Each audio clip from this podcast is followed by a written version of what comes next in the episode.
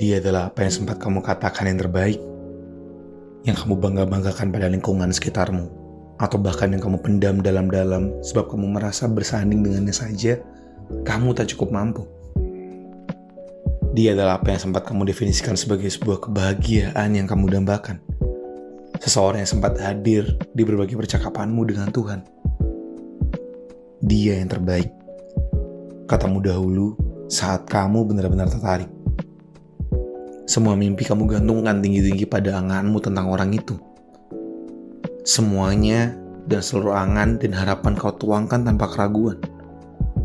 Dia adalah rumah yang kamu anggap akan selalu ada, tempat di mana kamu kembali setelah berhari-hari berlari. Bahkan seseorang yang ingin kamu jadikan sebagai sebuah penawar letih. Dia adalah panggilan daruratmu untuk segala bencana hidup yang menerpamu kamu mencintainya. Sebab menurutmu dia adalah satu-satunya. Kamu telah berjuang begitu hebat untuk sesuatu yang tidak pernah terikat kuat. Dalam kebebasan yang menjadi yang terbaik di matamu, ia benar-benar pula terbaik dalam hal meninggalkan. Sebab kemudian, kini ia telah pergi dengan lain hati. Ataupun, juga kini ia telah berbahagia dengan keadaannya. Sementara kamu yang sebelumnya tidak pernah menjadi yang terbaik di mata yang kamu punya, malah tenggelam sendiri dalam sebuah kedukaan panjang yang sendirian. Dia sudah melepaskanmu. Kenapa kamu harus bertahan? Logikamu mencoba menjadi obat luka yang menenangkan. Jawaban-jawaban terbaik mulai muncul ke permukaan. Tidak, kamu tidak pernah mencoba mempertahankan. Sebab tidak ada manusia yang mencoba mempertahankan segala duka yang menyakitkan. Setiap orang butuh waktu yang berbeda untuk menyembuhkan luka. Mungkin kamu juga salah satunya.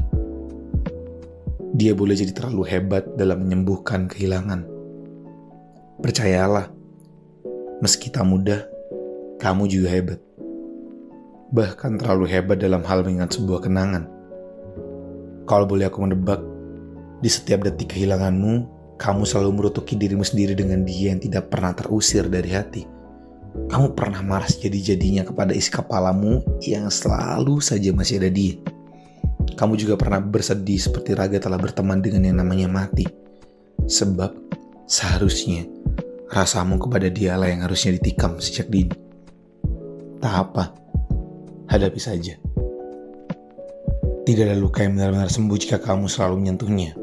Biarkan saja. Jangan terlalu dipaksa Anggap hati dan pikiranmu adalah sebuah rumah yang terlalu nyaman. Sampai-sampai di kepergian tubuhnya, ada sisa-sisa dari dirinya yang enggan pergi dari rasa dan ingatan. Nikmati saja ya. Perihal melepaskan dan mengikhlaskan tidak pernah semudah yang pernah kita bayangkan.